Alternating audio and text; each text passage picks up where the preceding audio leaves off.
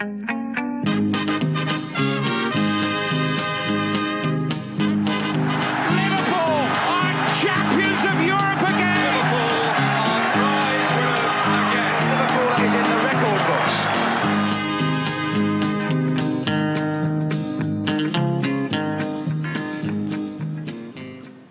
Hallå hallå och varmt välkomna ska ni vara till ett sprillans nytt avsnitt av LFC-podden. Eh, mitt namn är Fredrik Eidefors och jag tänkte leda oss igenom dagens avsnitt medans vår kära programledare i vanligt fall Robin Bylund går runt på vad är det, Paris gator och äter croissant eller något liknande så att eh, då får jag ta och styra i seglet. Eh, men jag är som sagt inte ensam idag utan har tagit hjälp av två riktigt skarpa hjärnor i form av Daniel Forsell och Kalle Sundqvist och Danne medan somliga är på semester och st- i storstäder så sitter vi och pratar Liverpool men jag vet inte riktigt vad som vad är bäst egentligen. Nej, det är att prata Liverpool egentligen. Det är, det är få förunnat att få, få snacka gott om eh, sitt lag varje vecka. Och dessutom kunna involvera så mycket andra personer som vi har ju frågor och sånt där hela tiden. Så jag, jag, jag tycker det är, det är nästan bättre än semester att få sitta och snacka lite här på, på tisdagskvällen för ovanlighetens skull. Ja just det. Ja man märker ju att Robin inte riktigt kan släppa oss. Han sitter ju och skriver till oss trots allt. Men eh, så något bra måste vi ändå göra, det får vi väl säga. Eh, Det får vi göra. Ja, och Kalle ska vi inte heller glömma som befinner sig i sommarstugan och poddar i någon form av solnedgång eller vad man ska kalla det. Det ser inte allt för fel ut.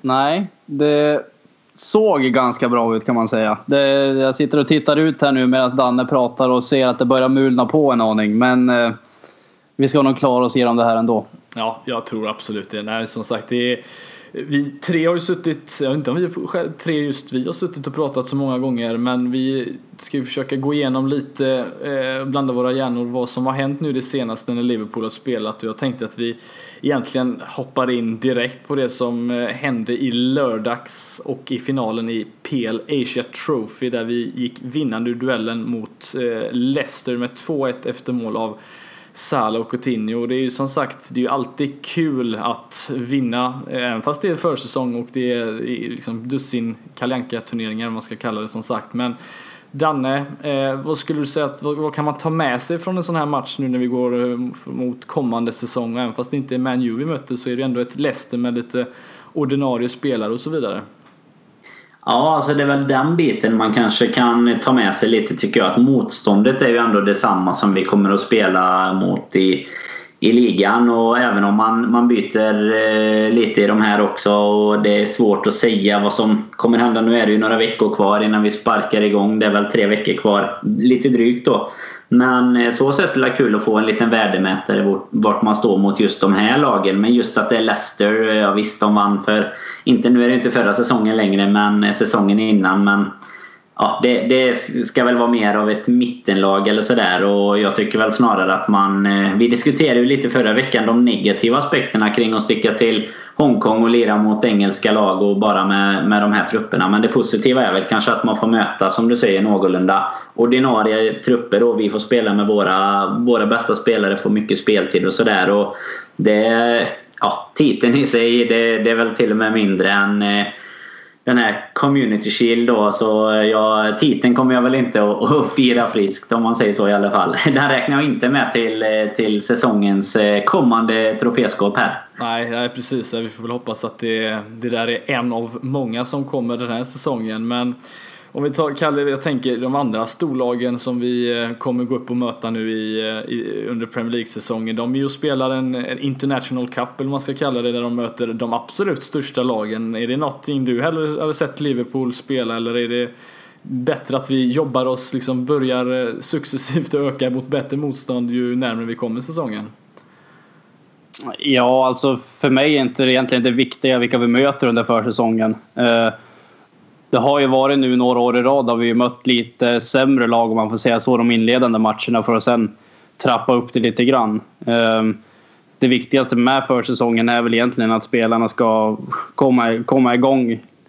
Ehm, och nu, från och med nu kommer vi möta relativt bra lag. Vi mötte Leicester sist och sen blir det ju eh, lite bättre lag när vi ska till, till Tyskland och spela. Så att, ja, det, det, är klart att det skulle vara kul att möta något lite större lag men samtidigt så som jag sa så går försäsongen ut på att spelarna ska komma igång egentligen och kunna spela ihop sig med eventuella nyförvärv. Nu har vi ju bara fått Solanke och Sala som har spelat tillsammans hittills av nyförvärven men nej, det, det spelar ingen större roll för mig egentligen.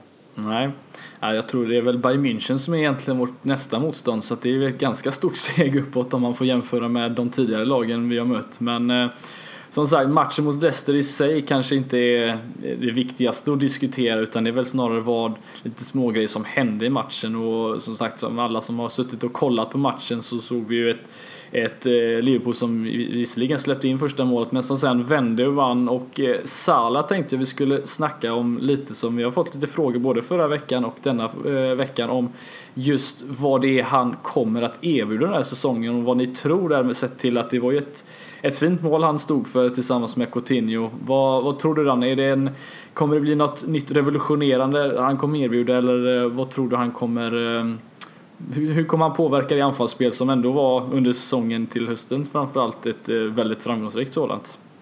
Eh, I första hand så är det väl det att han eh, bidrar med sin snabbhet givetvis som man även har fått se lite under träningsmatcherna. Men just målet som du var inne på, där får vi ju se något lite annorlunda mot vad, vad vi har haft stora problem med innan om man tänker med den här typen av, av försvar som man kanske spelar mot i framförallt matcher mot typ Leicester och den eh, stilen på motstånd där de är ganska lågt sittande och han... Eh, det här, just målsituationen, där märker vi egentligen ett ett sånt genombrott och ett sätt att faktiskt låsa upp den typen av försvar. Eh, det är ju inte ett mål som vi är jättebortskämda med som Liverpool-fans, precis som du var inne på. Utan snarare kanske en sån, något sånt som Salah har bidragit med även i tidigare klubbar. Men eh, det är ett riktigt, jag tycker det är ett riktigt klassmål och det visar liksom att vi har en, alltså Coutinhos passning också så sett är ju fin. Så att det, det visar att det finns en ny spets om man säger så. Även om jag tycker att vårt anfallsspel redan såg rätt bra ut. Men, men detta visar att det tillför en ytterligare dimension egentligen. Och,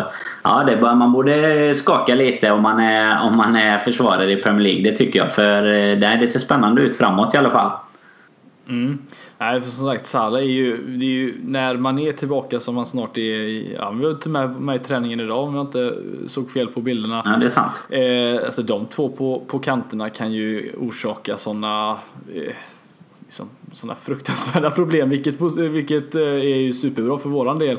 Eh, och när man har en sån spelare som Coutinho som droppat ner lite nu då Kalle som kan stå för de här eh, liksom enkla delikata bollarna men som vi heller inte som Kalle säger fått, eller Danne säger, fått, fått se särskilt mycket utan den här spelaren som ja, löper in bakom eh, försvaret. Tror du att det blir en mer annorlunda anfallsfotboll vi kommer få spela nu när vi har ytterligare speed eh, där framme? Ja, det tror jag till viss del. Alltså, eh, de problemen som man är egentligen kunde orsaka lag förra året kommer vi kunna göra i dubbel bemärkelse nu från, från båda kanterna. Det verkar ju som att de, tanken är att de ska spela både Mané och Salah samtidigt. Eh, så på det viset kommer vi kunna utmana både med snabbhet i, i offensiven och, eh, och de här insticken som, som, eh, som vi har pratat om innan. Eh, så att både Mané och Salah kan löpa in bakom backlinjen medan vi fortfarande har en spelare som Firmino till exempel som också är inne i boxen och kan ställa till bekymmer. Så att jag tror att vi kommer få fler alternativ i anfallsspelet. Eh, det är jag helt övertygad om.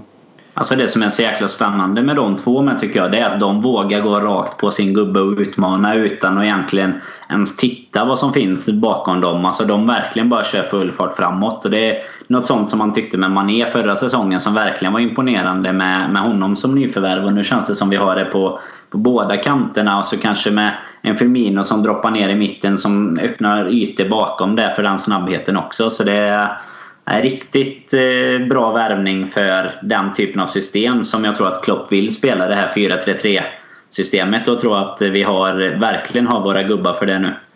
Och det där som du påpekar nu Danne, det kunde man se ganska tydligt mot Crystal Palace första matchen vi spelade borta i Hongkong. Eh, när Mané kom, inte en mot en, men han kom mer eller mindre ensam mot, mot eh, deras anfall. Han mer eller mindre petade bollen och bara försökte springa förbi. Jag tror det var Ward som bara satte ut armen där och, och, och stoppade Salah egentligen. Eh, ja, precis. Så, att, så att det, det, är ju ett extremt bra sätt som, som vi kanske inte har sett så många gånger. Att det är den här raka, strikta offensiva fotbollen som, som vissa andra i laget kanske inte står för emellanåt. Så att det är ju fruktansvärt kul att se. Det kommer kunna skada många lag i Premier League. Ja, alltså, det känns ju som att nu har vi fått se ändå några av de här eh, spelarna som kommer spela en stor roll. Jag tänker främst då på en Coutinho, Mané, eh, Salah och eh, Firmino som eh, kommer stå för fyra av de tre, tre av de fyra spelarna där framme. Det är väl Mané som ska in egentligen dit eh, där uppe. Men Coutinho som sagt står ytterligare för eh, en assist och ett mål och eh, återigen, det är visst för, försäsong och så vidare, men börjar han att se mer och mer ut som en stjärna som kanske sticker ut hela tiden snarare än den här spelaren som eh, blixtrar till Danne? Ja, men jag tycker ju det och jag tyckte han gjorde det i, i början på förra säsongen. Sen hade han lite oflytt med skadan där som höll honom borta rätt länge och som det kändes att han hade lite problem att komma tillbaks ifrån i samma form då. Men det, alltså typ det målet som han gör nu sist, det är ju ett sånt jäkla gött Coutinho-mål. Men det ser inte ut som att han kan skjuta så hårt från det, det avståndet liksom. Och eh, ja, det bara känns som att han han har det, alla vet väl någonstans att han har det i sig liksom. Man bara väntar på att det ska, ska få vara en jämnhög nivå. Och det, det är väl bara att hålla, hålla hårt i honom nu. Det kommer vi väl in på snart med. Men eh, jag tycker väl att det känns som att det det, han, han bakom den här trion egentligen kommer ju vara extremt viktig för att vi ska kunna ha just det hotande anfallsspelet. För han, har, han är jäkligt lurig med, med inspel och han har bra skott och sådär. Så att det är svårt att försvara mot också för man vet aldrig riktigt vad han ska hitta på egentligen. Nej, och det är det, det, det, ursäkta att jag men det är det som det är det som gör det här nästan ännu bättre också för att många, man har sett det många gånger när Coutinho kommer i sitt så kallade favoritläge som man hör många gånger på TV. Eh, när han kommer utanför boxen och är beredd att ta det där skottet. Då får han ganska mycket uppmärksamhet. Det kommer ju skapa ännu mer ytor för, för framförallt Salah och Mané och Firmino till viss del också självklart. Eh, så att eh, när man kan dra på sig uppmärksamhet från många olika håll i offensiven så kommer det ju skapa ytor för många andra spelare också. Eh, så att det är ju en av de största styrkorna jag ser nu. Eh, i offensiven utöver att vi har en jävla speed på båda kanterna. Det som jag tycker blir rätt eh, intressant att få se nu det är ju just eh, om vi tar det som, som ni säger att Coutinho ofta hamnar i den situationen. Jag kan ju tycka att han tidigare har gått in allt för ofta på det här att nu måste jag skjuta den här bollen trots att han kanske är några meter ytterligare därifrån. Men just det här spelet som man har fått se Barcelona göra eh, extremt mycket, att du har alltid en spelare som går på skott men så hittar de ändå ett, ett, fake, ja, ett fake-skott egentligen, så hittar de en chip in bakom. Det var ungefär så målet blev till där till, till Salah, just att hitta den här löpningarna som alltid går så det inte blir så statiskt. Det är väl det vi ja, kanske kommer få se lite annorlunda mot eh, allas, eh, alla motstånd den här säsongen. Det är väl vad vi hoppas i alla fall. Eh, men om det såg bättre ut framåt så ja, snöpligt försvarsspel får man väl ändå kalla det lite på deras eh, mål. Är det någonting vi kan, är det bara liksom skitsnack att nu, vi kommer inte bli bättre försvarsmässigt eller är det, kommer det vara ett stort problem framöver den här säsongen också med att släppa till mycket chanser och så vidare? För det var ju, vi hade ju tur ändå att Leicester inte gjorde mer än ett mål den här, säsongen, eh, den här matchen.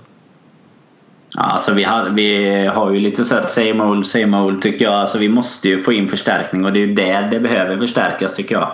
Nu har vi ju fått en, en ny vänsterback där i Robertson som vi var inne på eh, lite jag och Kalle och, och Robin här förra veckan då och pratade om. Och klart att det är, eh, vi får väl se hur, hur mycket plats han kommer ta i i laget. Vi var ju lite eh, oense kring hur, huruvida han värvas som en solklar startspelare eller inte. Men jag tror väl att det är ju en van Dijk, eller alltså det är en mittback. Vi behöver få in en, en general egentligen. Och dels för, för lagets skull, men det känns också som för, för liksom självförtroendets skull där bak. För det känns som det krävs något så här radikalt som att det kommer in någon ny. För det känns lite som att de Alltså även om man tycker att spelare borde kunna bli bättre ändå, liksom typ Lovren och så, så känns det bara som att det måste verkligen förstärkas. Och det, det kan jag ju tycka är viktigare än att förstärka med typ eh, Naby Keita eller något sånt. Då tycker jag det är mycket, mycket viktigare att fokusera på, på försvarslinjen faktiskt.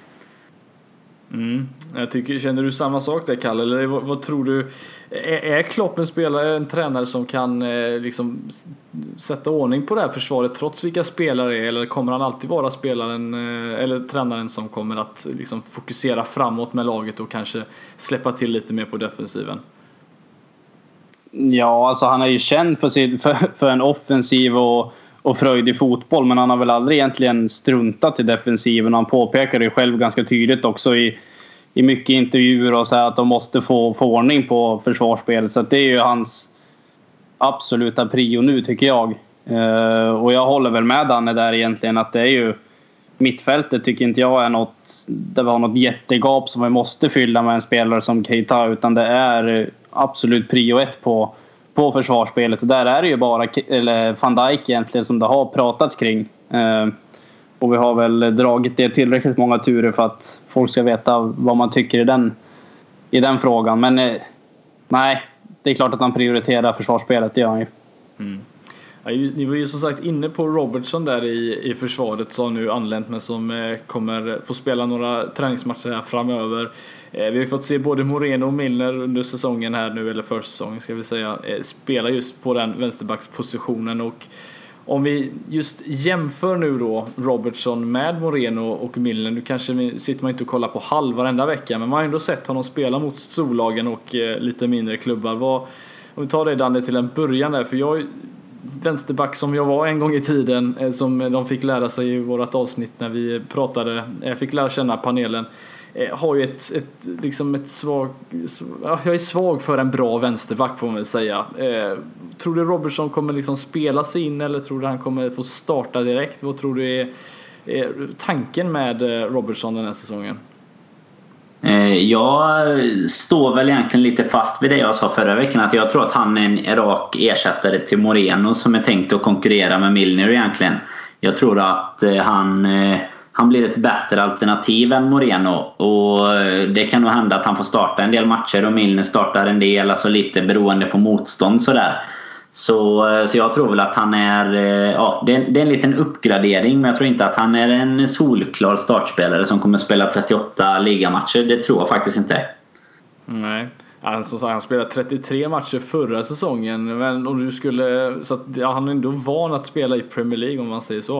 Eh, men om du skulle, liksom, vad är det för typ av spelare vi har att förvänta oss här nu av Robertson? Skulle du kunna förklara lite hur, eh, vad du tror han kan erbjuda och eh, vad han kan, ja, egentligen han som spelare. Alltså det är väl egentligen lite samma sak där. Jag tänkte säga lite en uppgraderad Moreno som eh, alltså har en ganska bra speed och kan bidra även offensivt på kanten. Men, men som jag skulle säga lite bättre defensiv vänsterback eh, av det jag har sett än vad jag tycker att Moreno mäktar med att vara och inte kanske lika valpig om det nu är rätt ord som jag kan tycka att Moreno kan... Eh, ja, men det är det va. Han, Moreno har liksom inte alltid riktigt koll på varken position eller på ben känns det som. Och, och det, det känns som att Robertson kommer sätta fötterna mer rätt. Men det, han, alltså det som han eh, egentligen jämfört med Milner erbjuder tycker jag väl är att Alltså med Milner så är det egentligen det här att hans rutin och den biten är en så pass stor del. Alltså hans eh, egentligen inverkan på resten av laget. Det är klart att den försvinner ju med Robertson. Men sen tror jag att i en match där vi kanske förväntas trycka på och, eh, och egentligen kan kan behöva vara en spelare som, eh, som lyfter upp från vänsterkanten. Då tror jag att Robertson kommer vara ett bättre alternativ. Och sen tror jag att värvningen även är gjord för att han ska spela sig in Alltså nu kanske de delar på positionen lite detta året. Nästa säsong kanske han är, han är helt ordinarie om han nu har, eh, har gjort en någorlunda bra säsong detta året. Så jag tror att han, han värvas liksom inte in som en stjärnvärvning men han, det finns en plan att han kommer att, att spela i Liverpool. Eh, alltså han är inte så gammal heller så att han, eh, han har ju sina bästa år framför sig. Så jag tror att han, han är värvad som absolut till, till truppen men kanske lite längre fram innan han är helt ordinarie. Ja, precis. Och, och Kalle, om vi just Robertson som, som vänsterback som eh, Dan är inne på där att han kan erbjuda lite, lite mer än, än vad Moreno kan göra. Men just det här med att ett, ett rakare för, eh, anfallsspel just med Milner som alltid måste vad ska man säga, byta fot innan han kommer till, till inläggsdelen eh, då. Är det någonting att du kommer få ett rakare anfallsspel till, eller, och uppläggsspel egentligen med, med en sån spelare nu när vi ändå har en en ordinarie vänsterback eller någon som är liksom i grund och botten är det så att säga. Ja, det tror jag. Det kan man se ganska tydligt också om man inte har sett, sett så mycket matcher med Hall Robertson har spelat så ser man ganska tydligt egentligen om man går in och, och söker lite grann på Youtube efter några klipp så kan man se att han är en sån spelare som du kan slå en boll i djupet på. Han, han slår ett bra distinkt inlägg på ett Istället för att som du sa att Milner ska lägga över den på högen för att få, få lite precision på den och lägga ett halvtaskigt inlägg med vänstern. Eh, så att där tror jag också eh, är en av många saker som kommer bli, bli bättre med att spela honom egentligen än Milner. Eh, jag likväl som Danne tror att Milner kommer vara det första valet en tid framöver. Men de erbjuder två olika saker egentligen och det är ju bra att man kan kombinera på det viset. Men det sticker väl ut mest egentligen från, från Milner att, han, att man kan spela ett rakare spel med Robertson. Han känns ju som en, en väldigt brittisk vänsterback, gör han inte det? Alltså just det här, eh, han ser nästan ut som en typisk britt när han springer om, om det nästan är ett ord att förklara en, en spelare. Men just som du säger att en väldigt typisk engelsk vänsterback som ändå eh, ändå har en bra passning på. Lite, förhoppningsvis lite Leighton Baines över honom som man eh, är lite svag för men väldigt bra passningsfot så att eh, vi kan väl hålla eh, tummarna för att det här kommer bli en, en spelare som kanske då eh, efter kommande säsong är en ordinarie spelare och har eh, gett oss en ny vänsterback för många år att komma. Det är vi ju inte särskilt eh, bortskämda med annars som sagt. Eh, det blir ju som sagt ett ungt, unga spelare på, på försvarsdelen. Jag har ju varit ute och eh, sagt lite att jag tror att eh, Trent Alexander-Arnold till exempel kommer starta mer än vad Klein kommer göra säsongen. Är det någonting ni tror jag kommer få äta upp efter säsongen eller tror ni att jag har någon poäng i det, ut, det statementet? Jag tror att du har en poäng, men jag, vet, jag tror att du också har fel. Kan man, men jag man tror... kan vara alltihop alltså ja, nej, men jag tänker så här att han... Jag tror också att han kommer spela en hel del. Jag tror att han kommer spela mer än vad han har gjort eh, tidigare om man säger. Det är inte, det är inte så, så svårt i och för sig men vi diskuterade ju också det här för, eh, för någon vecka sedan att han eh, Alltså att det, Klein har en, en rätt viktig säsong framför sig om man börjar för hans del då. För jag tror att eh, Trent Alexander-Arnold är mycket närmare än vad många kanske tror. Och han räknas ju som en av de absolut största talangerna som kommer under, underifrån nu. Medan Klein hade en, alltså en, en ganska, inte medioker, jag vet inte vad vi ska säga. Men han hade en ganska liksom sån tam säsong förra säsongen egentligen. Där han låg kanske på ett okej okay och varken så mycket mer eller mindre i de flesta matcherna. Så att då tror jag att eh, fortsätter han med det så tror jag att eh, inte att steget är så långt för Alexander Arnold att ta den platsen. Men jag tror i slutändan att vi kommer summera att Klein har spelat mer. Därför tror jag att du har en poäng men också, men också har fel då. Men, men ändå har man en, just det här med att, att få, om man sett Klopps eh, lag spela tidigare så är det ändå att ytter, ytterbackarna är väldigt involverade och visst Milner var väldigt involverad förra säsongen men han stod väl mest för alla grejer när det kom till straffar och så vidare. Eh, så vad, vad är det egentligen Alexander Arnold kan erbjuda mer då som sagt än, än Klein som, som du säger hade en väldigt tam säsong men som inte är, han är väl en sån här plus minus noll spelare. Han, han, gör, ja, han syns inte lika mycket Kalle men är det någonting som eh, tro, eller vad tror du egentligen att kommer Alexander Arnold vara spelaren framöver eller är det Klein som återigen kommer få eh, på grund av sin rutin få spela på högerbackspositionen? På lång sikt tror jag absolut att han, att han är det, det långsiktiga alternativet. Eh, men eh, ja, det är klart. Han kommer, också, han kommer ju vara med och utmana om högerbackspositionen. Jag tror vi kommer få se ganska blandat vem som kommer spela egentligen.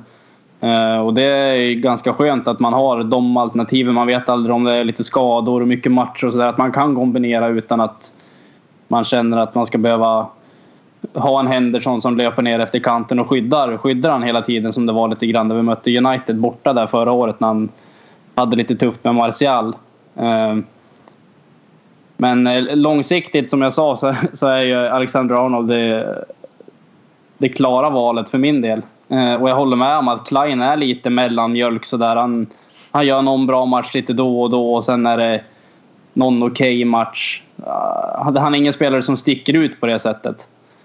Men eh, summerar vi säsongen sen när vi sitter här i maj igen då tror jag nog lite grann som Danne att vi har sett fått fått se fler matcher från, från Klein än Trent Alexander-Arnold. I Premier League åtminstone. Sen kommer han få sina chanser också i, i um, kuppspel och sådär. Mm. Men tror ni, tror ni det blir Robertson eller Alexander-Arnold som får spela mest Premier League-matcher om vi just jämför de unga ytterbackarna då? Då tror jag nog Robert... Ja, Robertson med. på grund av att Moreno kommer stanna eller, eller för att han kommer lämna eller för att Milner kanske spelar någon annanstans eh, under säsongen? Jag tror nog egentligen mer på att det är för att Klein eh, går före, alltså som en mer eh, stabil eh, ytterback om man säger jämfört med där, där Milner kanske har en...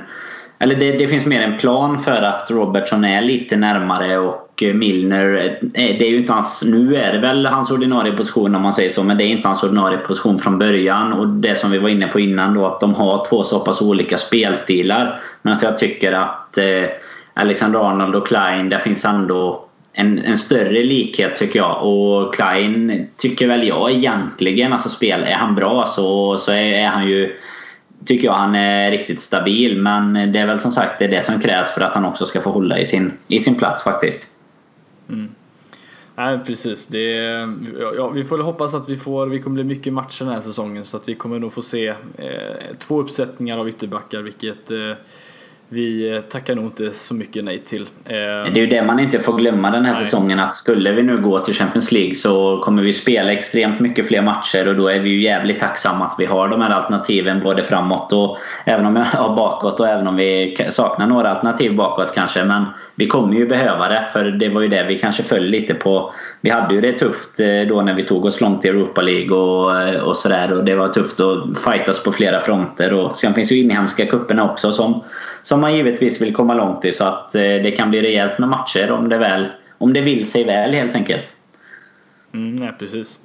Ehm, jag tänkte just när det kommer till alternativ där, jag har en fråga som eh, Patrik Broström skickar in till oss där han undrar lite eh, liksom hur vi skulle ställa upp laget. Nu ska vi inte ha en, egentligen en startelva i sig utan han tänker mer på Joe Gomez som vi har nämnt några gånger som haft lite otur med skador som eh, ja, värderas väldigt högt sen tidigare som en av de väldigt stora talangerna i England. Eh, nu när vi pratar alternativ nu, för vi kommer, tanken är lite att vi ska segwaya oss lite fram till det stora ämnet här som ändå kommer vara eh, silly season och eh, några av de här mittbackarna och mittfältarna som vi har pratat om. Eh, Joe Gomez, vad, vad, tror ni om hans säsong? Är det något vi, är det låna ut eller tror ni han kommer få spela? Vad, hur går tankarna kring honom som under 17-18 säsongen? Om vi börjar med dig Kalle. Ja, vi hade ju något avsnitt här för någon vecka sedan där vi fick ge våran dom på spelare. Jag för mig att jag sa att jag tyckte att han skulle stanna och det tycker jag fortfarande. Eh, jag tycker att han är en stabil spelare av det man har sett och sen ska man ha i åtanke att han har inte han har inte fått visa, visa upp sig riktigt i Liverpool än heller. Så att jag tror han kommer få sina möjligheter den här säsongen. Vart han ska spela egentligen, det är väl... Jag tror han kan täcka upp över hela backlinjen egentligen. Under Brendan Rodgers så spelar han ju ganska mycket ytterback där ett tag. Till och med vänsterback om jag inte minns fel. Mm. Ja, ehm, det stämmer. Så att, eh, jag, jag, tror att han, han kommer ju bli kvar. Det, det, jag har svårt att se något annat i, i dagsläget med, med den truppen vi har idag. Sen kan ju saker och ting alltid förändras med eventuella försäljningar eller nyförvärv eller så. Eh, så att eh, jag tror absolut att han kommer få, få sina chanser. Eh, och det kan vara lite spridda skurar på positionerna tror jag beroende på vilket lag vi möter och om det är cup eller ligaspel eller sådär.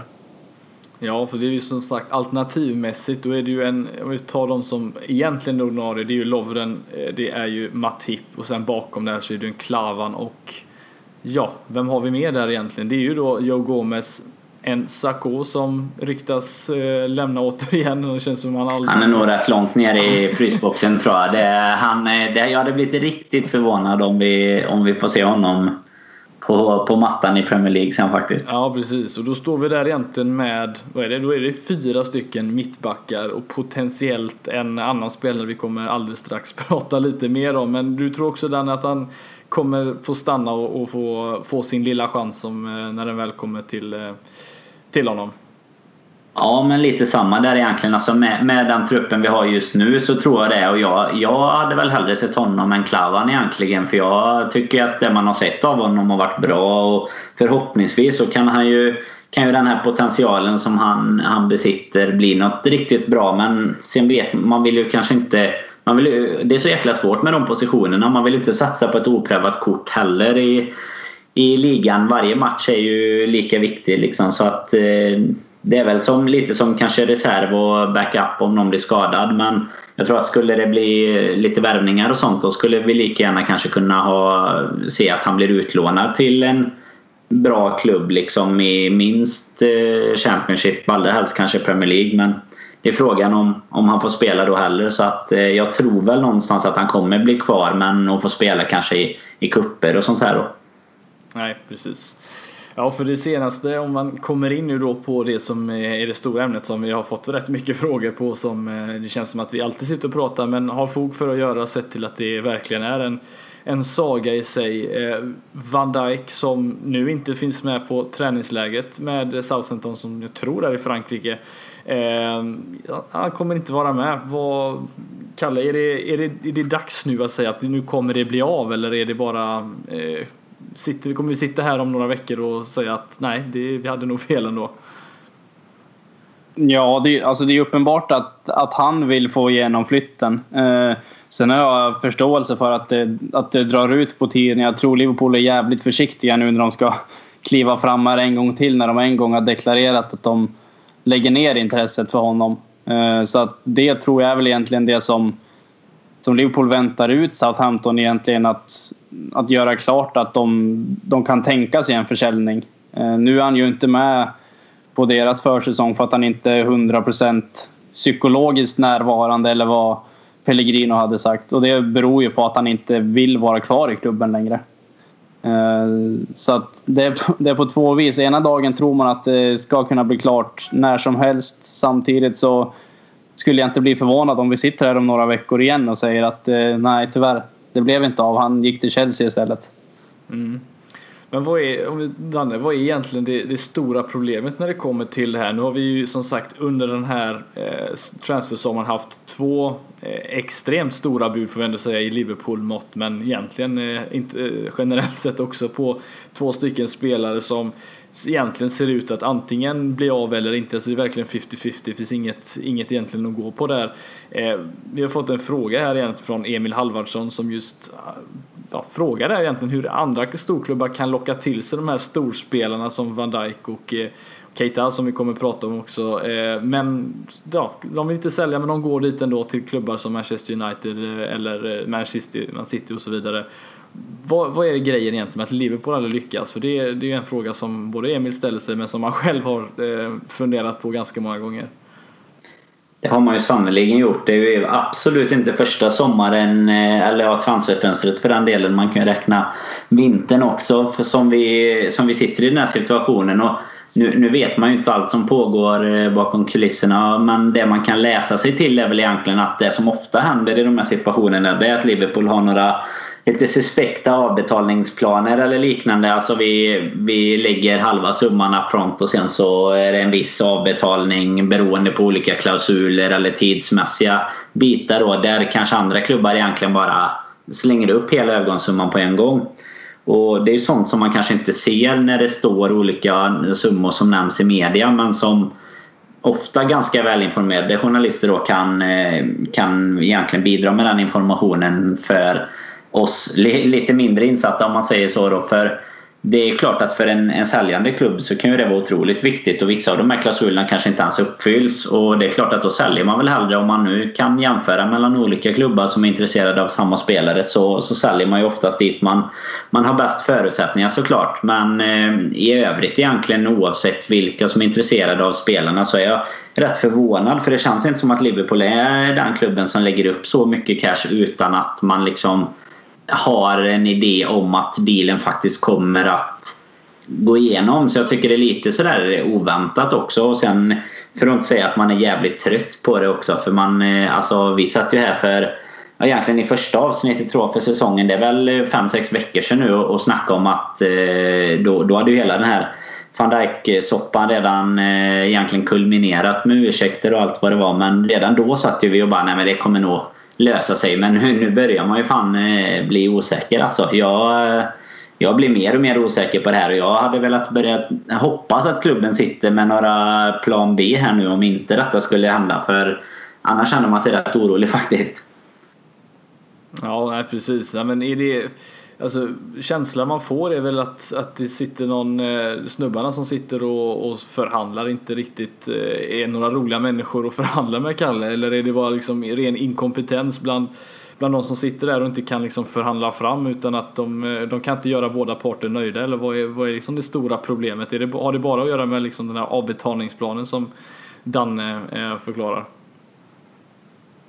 Ja, det vet jag faktiskt inte hur det är just nu med, med Michael Edwards. Känslan innan var ju när vi hade INR att det var... Eh, man fick en känsla av att det var jävligt trötta förhandlingar med honom. Så att jag förstår att det inte blev så mycket uträttat ibland utan att ha suttit med på något av de där mötena. Men känslan var så i alla fall. Men den, eh, den absolut största anledningen tror jag är det där med, med betalningen. Hur mycket pengar man kan lägga upp direkt. Ehm, för det sätter ju den, den klubben som säljer i en betydligt bättre position till att kunna ersätta de spelarna de säljer. Eh, och lättare kunna gå vidare eh, på en transfermarknad. Eh, men eh, rent kompetensmässigt när det kommer till att förhandla så tror jag inte att att det är några nötter som sitter i Liverpool och försöker lösa van Dijk utan det är ju det, där tror jag inte klubbarna skiljer sig speciellt mycket utan det, det sitter i pengarna tror jag. Det känns ju som att det ofta är så att vi snålar oss, eh, alltså vi snålar oss bort från spelare. Vi försöker, vi är kanske först på, först på bollen men så är vi lite dumsnåla och så kommer Chelsea eller vilka det nu vill vara som bara splashar upp eh, cashen egentligen och säger att vi tar han direkt. Och precis som Kalle var inne på där så är ju det klart att det är en jättefaktor att har du en bra kanske nyckelspelare i ditt lag som det ofta handlar om när, när storklubbarna i Premier League är ute och jagar så är det klart att de vill ju kunna ersätta den spelaren också. Och det, det behöver man ju pengar för att göra och då behöver man inte ha några Eh, tio landskamper eller eh, att man ska få 10 miljoner om två år eller någonting. Utan då är det klart att det är en fördel att, att ha fått pengarna direkt. Och sen tror jag också att då helt plötsligt blir det olika situationer för spelarna. Det har ju med löner och så vidare att göra också i, i vissa fall. Då, att det, där tror jag också att vi ibland kan ha snålat ur vissa övergångar. Då, så att eh, det är nog eh, någonstans där ligger det ju ett problem. Sen eh, det känns ju aldrig som att det, nu följer man ju givetvis inte andra klubbar lika nära men det känns aldrig som att det är så här långdragna historier rörande andra fans som man känner liksom och börjar de snacka om en spelare som är nära så tar det typ en vecka och så är han, så är han klar sen och han, eh, då är det liksom löst. Här känns det som att vi kan ha våra transfermål här och så helt plötsligt börjar Premier League och då, då är det liksom inte många veckor kvar innan det måste vara, vara klart. Och det är som sagt, då hoppas man verkligen att vi sitter med några alternativ på de här positionerna där vi verkligen känner att vi måste förstärka. Och det där, är, det där är så jävla logiskt egentligen om man ser till det här när det kommer till att, att betala. Det är, det är inget konstigt med det egentligen. Om du skulle sälja din bil och det kommer en tjomme och säger att jag betalar hälften nu och hälften i maj. Och så kommer en annan person och slänger upp hela summan på en gång. Det är ju inte konstigt att man säljer till den då. Eh, så att ja, det, är där det sitter tror jag. Mm. Men om just de här spelarna, om det inte bara handlar om pengar i sig. Alltså, de här spelarna sitter ju ändå på liksom, längre kontrakt och så vidare. Hur, hur stor eh, hur stor påverkan har spelare som, som är under kontrakt och är ändå deras arbetsledare som vi pratar alltså, för nu känns det som att spelare bara bråkar sig bort från sina klubbar för att kunna eh, joina oss. Så är, det, är vi så dåliga helt enkelt på att lägga upp de pengarna så att spelarna måste försöka liksom bråka sig bort till, till Liverpool för att det ska bli av? Alltså jag tror att eh, kontrakt och sånt har blivit en liten sån här förhandlingsbit med att eh, ha, sitta på ett långt kontrakt för en klubb. de kan fortfarande ha tanken att de ska sälja spelaren. Men de får ju mer pengar om han har tre år kvar på sitt kontrakt jämfört med om, om folk vet att om ett år kan vi, kan vi ta honom gratis till exempel. Sen eh, tror jag väl att det, du är inne på en grej som ändå är, är jävligt intressant där faktiskt. För det här med att bråka sig bort och lämna in transfer request och sånt. Det kan ju gå jäkligt fel för dig. Nu, man såg ju Payet var ju jäkligt nära att hamna i en, eller han hamnade ju egentligen i en sån situation i, i West Ham där i, i vintras om man tar det som exempel. Sen löste ju det sig för hans del till slut men eh, du kan ju riskera att hamna liksom utanför truppen och sen helt plötsligt så stänger fönstret och då är det inte direkt så att, att ditt värde som spelare sticker iväg om du, eh, om du spelar med reserverna eller kanske ännu värre inte får spela alls. För det är ju precis som du var inne på det där det är ju ens arbetsgivare liksom och eh, det man spelar ett rätt högt spel ändå tycker jag om man, eh, om man försöker bråka sig bort om man inte tror att om man inte verkligen någonstans känner att det finns en rätt bra chans att att göra det. För nej, som sagt, man kan hamna i en rätt knivig situation tror jag. Ja, precis. Ja, för just med van Dijk-delen där, det är ju som sagt, det är en spelare som uppenbarligen vill till Liverpool men som eh, eh, kommer försöka bråka sig bort och då får vi bara hoppas att, eh, att budet egentligen kommer in där eller behöver vi vänta på det här gröna ljuset som det pratades om Kalle att, eh, att få lägga det nu när vi ändå varit ute och officiellt bett om ursäkt att få ens ja, vara intresserad av van Dijk.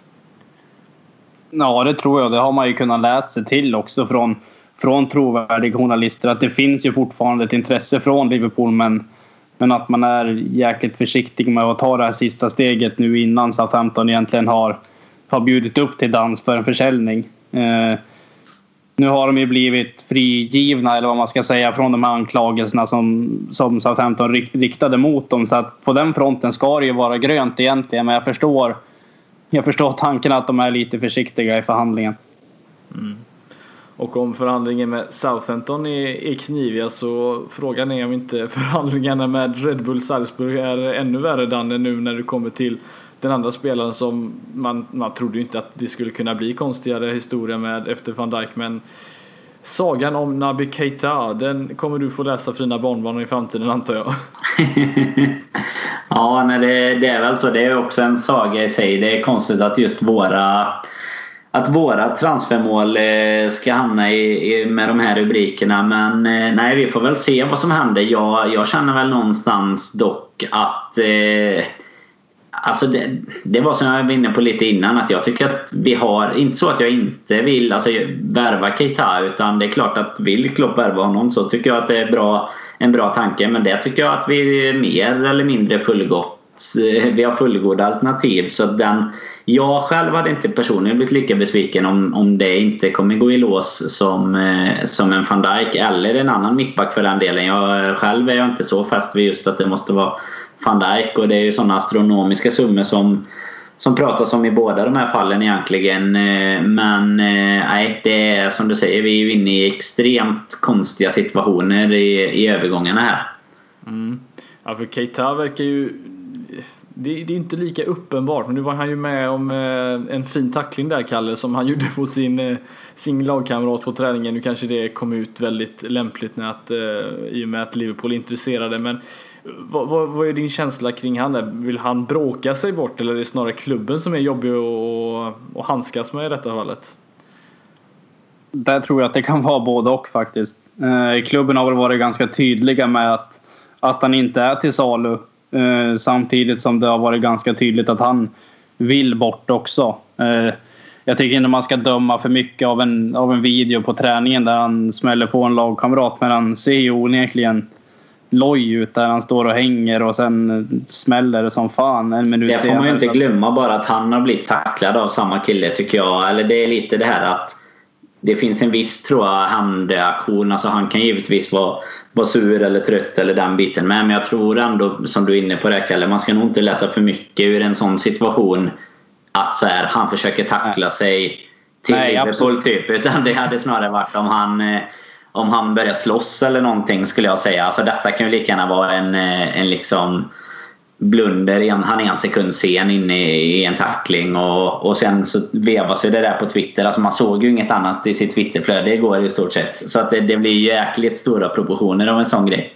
Det är väl som när svenska landslaget fick kalla till en liten presskonferens där när det var Ljungberg och Mellberg eller vilka ja, var det som hade varit i luren.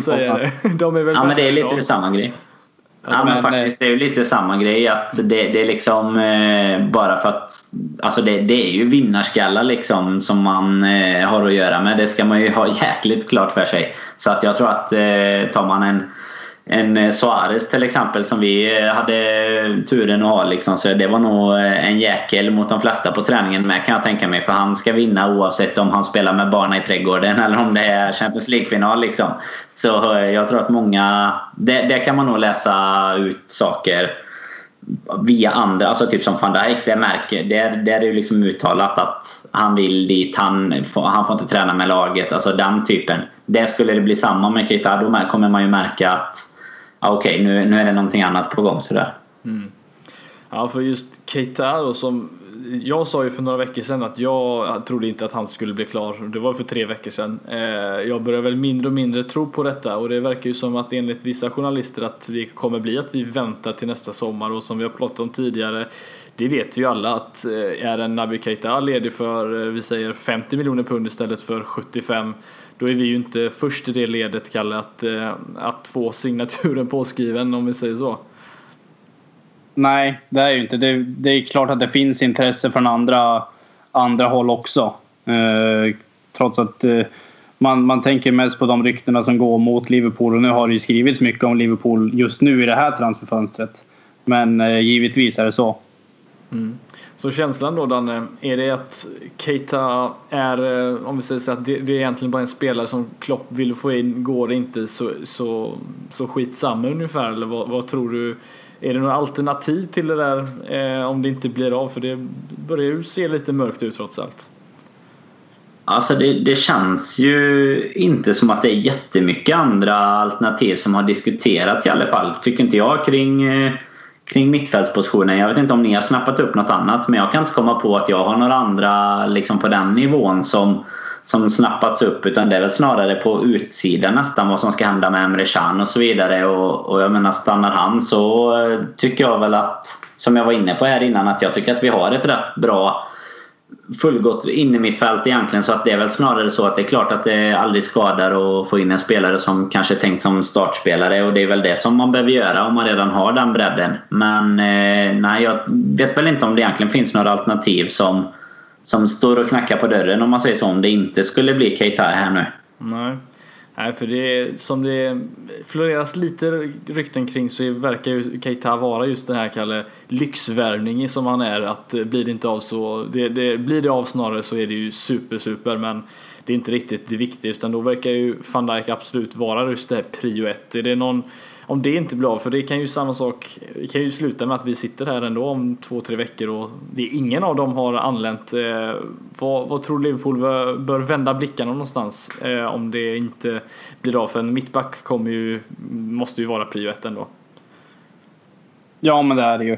Eh, och det har väl ryktats förvånansvärt lite egentligen om andra spelare än van Dijk egentligen på mittbackspositionen. Eh, men eh, det har ju viskats lite grann på olika håll om andra alternativ om det nu inte skulle bli av med bland annat Koulibaly från Napoli och Manolas. Eh, det är väl de namnen som det har viskats lite grann om. Men det är ju ingen hemlighet att det är van Dijk som är absolut första alternativet. Mm. Om du fick välja en av dem då? Har någon favorit? Av de, an av de andra alternativen tänkte du eller? Ja, precis. Ja, då skulle jag nog hellre ta Koulibaly. Jag gillar han lite grann. Jag gillar den spelstilen. Uh, Krigaren. Har ni, har ni några, några önskemål? Danne har väl Brede Hangeland eller något? Ja, en Brede Hangeland. Det är min... Bredvid. Det är ju... han, och, nej, han och Klavan tillsammans. nej, jag faktiskt inte... Jag kan inte säga att jag, jag har några så här eh, jättemål eh, så sett. Utan eh, jag brukar väl säga som, eller jag säger som jag brukar. Har, har Klopp sagt att vi ska ha van Dijk så är det han som kommer att passa in. Men du brukar vara en jäkla sky, scout där ju. Ja, nej, men jag är, oavsett om det är de här namnen som ryktas, jag, jag är lite svag för Manolas just för att jag tror Klopp är, hade gillat en sån spelare också. En, en, spelare som e, efter 90 minuter har liksom lik Totti liksom strumporna nedanför benskydd. Alltså det är den här ordentliga krigaren. Eh, bra med fötterna. Eh, jag, jag, gillar honom faktiskt men just funderar på om det är lätt att göra affärer med Roma igen nu efter att ha köpt eh, Eh, köpt Sala och Manolas verkar även ha ryktats till Zenit så att det känns som en spelare som väljer definitivt pengar före, eh, före speltid så att, eh, eller att vinna saker. Så att eh, vi kanske får gå på Koulibaly om vi, precis så som Kalle säger möjligtvis då. Men eh, eh, ja. Är det, vinst, är det vinstgaranti i Liverpool eller vad då? Ja, absolut. Ja, härligt. eller vad tror du? Ja, jag, vet, jag kan alltid hoppas. Vi vann ju Asia Trophy ändå. Det är ju... Ja, det är alltid någonting. Det är en trofé i alla ja. fall. Ja. Eh, det är bättre än att spela 2-2 mot West Bromwich, eller hur?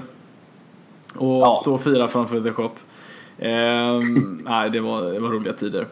Eh, men om vi går vidare till, allt detta är väl egentligen roliga rykten att prata om så sett. Men något mindre roligt att prata om eh, innan vi liksom eh, avrundar om här. Det är ju, det är ju vår lille stjärnspelare Coutinho som det ryktades om. Ja det har blivit mer rykten nu på sistone just att han ska gå till Barcelona och med Neymar som verkar stanna vad det ser ut i alla fall så har han ju en kompis att gå till om det skulle vara ett alternativ.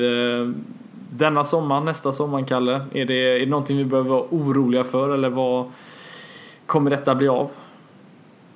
Ja, från början så var jag inte alls orolig om jag ska vara ärlig. Eh, och jag är väl inte jätteorolig nu heller egentligen.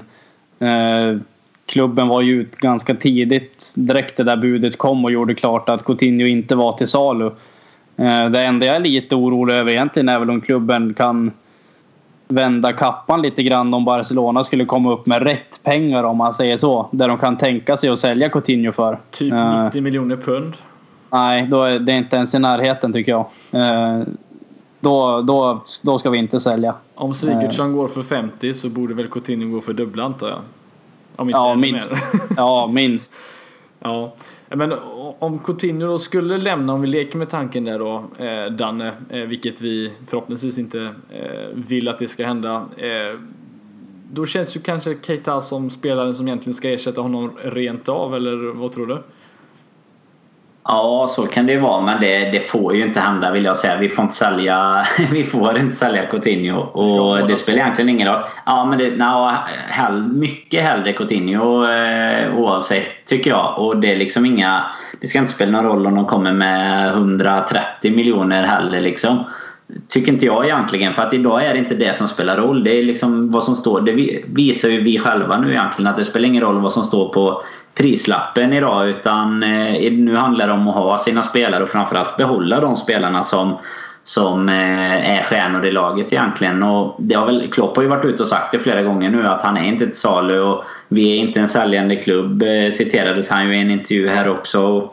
Det hoppas jag verkligen att de står för. Sen är det klart att skulle han nu vilja gå, han kan ju också ställa till besvär precis som, eh, som andra spelare som vi pratar om som vill till Liverpool emellanåt har gjort. Men det känns inte, tycker inte jag i alla fall, som att han eh, kommer att gå. Jag är väl lite inne på Kalles spår där att jag är väl inte jätteorolig även om, om man har blivit lite mer orolig nu när det har eh, trappats upp lite mer rykten då.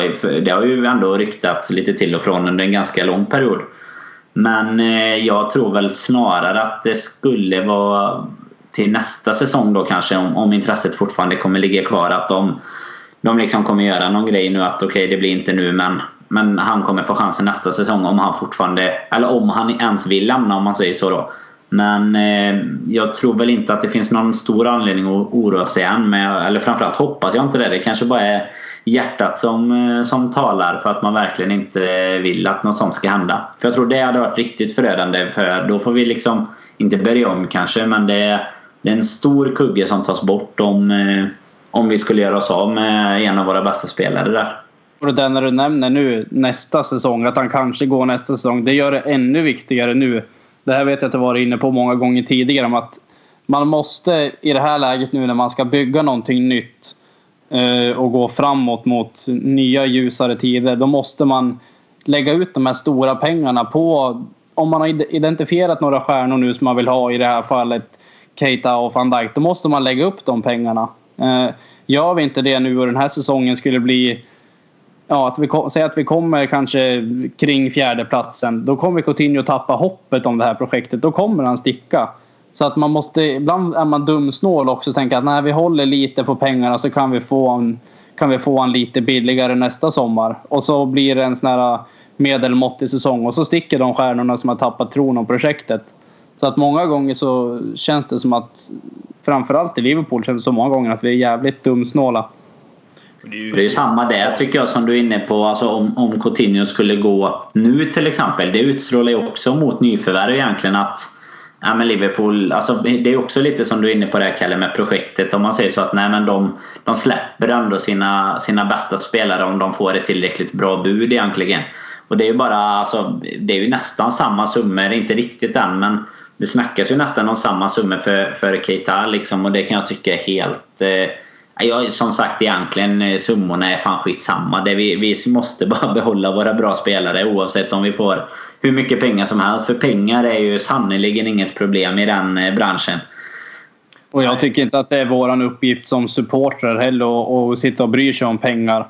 Man kunde se förra sommaren att folk jublade för att vi gjorde ett bra ekonomiskt fönster. Men det är en jävla katastrof egentligen tycker jag. Jag tycker inte, jag tycker inte supportrar ska sitta och tänka på plånboken. För att det är som du säger, pengar finns det. Så det rullar in så mycket pengar varje säsong ändå. Så att det går ingen brist på klubbarna. Men alltså så länge inte det blir bättre om man säger så. Jag menar det kan man ju vara nöjd med att vi tog in Matip på fri transfer till exempel. Det är klart att det är bra att vi förstärker så billigt vi kan och, och det kan man ju alltid ha en åsikt om. Men, men jag är ju helt enig med dig om att det är inte vårt problem liksom. Vi, eh, alltså det, vi var inne på det något avsnitt om det var förra säsongen eller någonting men som vi pratade just om det också att man glömmer det så jäkla fort. Jag menar om vi, eh, om vi tappar, om vi, säg att vi får 120 miljoner pund för Coutinho. Men så visar det sig att vårt spel hackar i början på säsongen. Då är de pengarna liksom inget värda. Och detsamma om vi värvar någon, om vi värvar Keita för 80 miljoner pund och man tycker att vi fasen var vilket, eh, vilket dyr jävla nyförvärv liksom. Så eh, sen är han eh, lysande i första halvan av säsongen och sen kommer ingen veta vad som stod på hans prislapp liksom.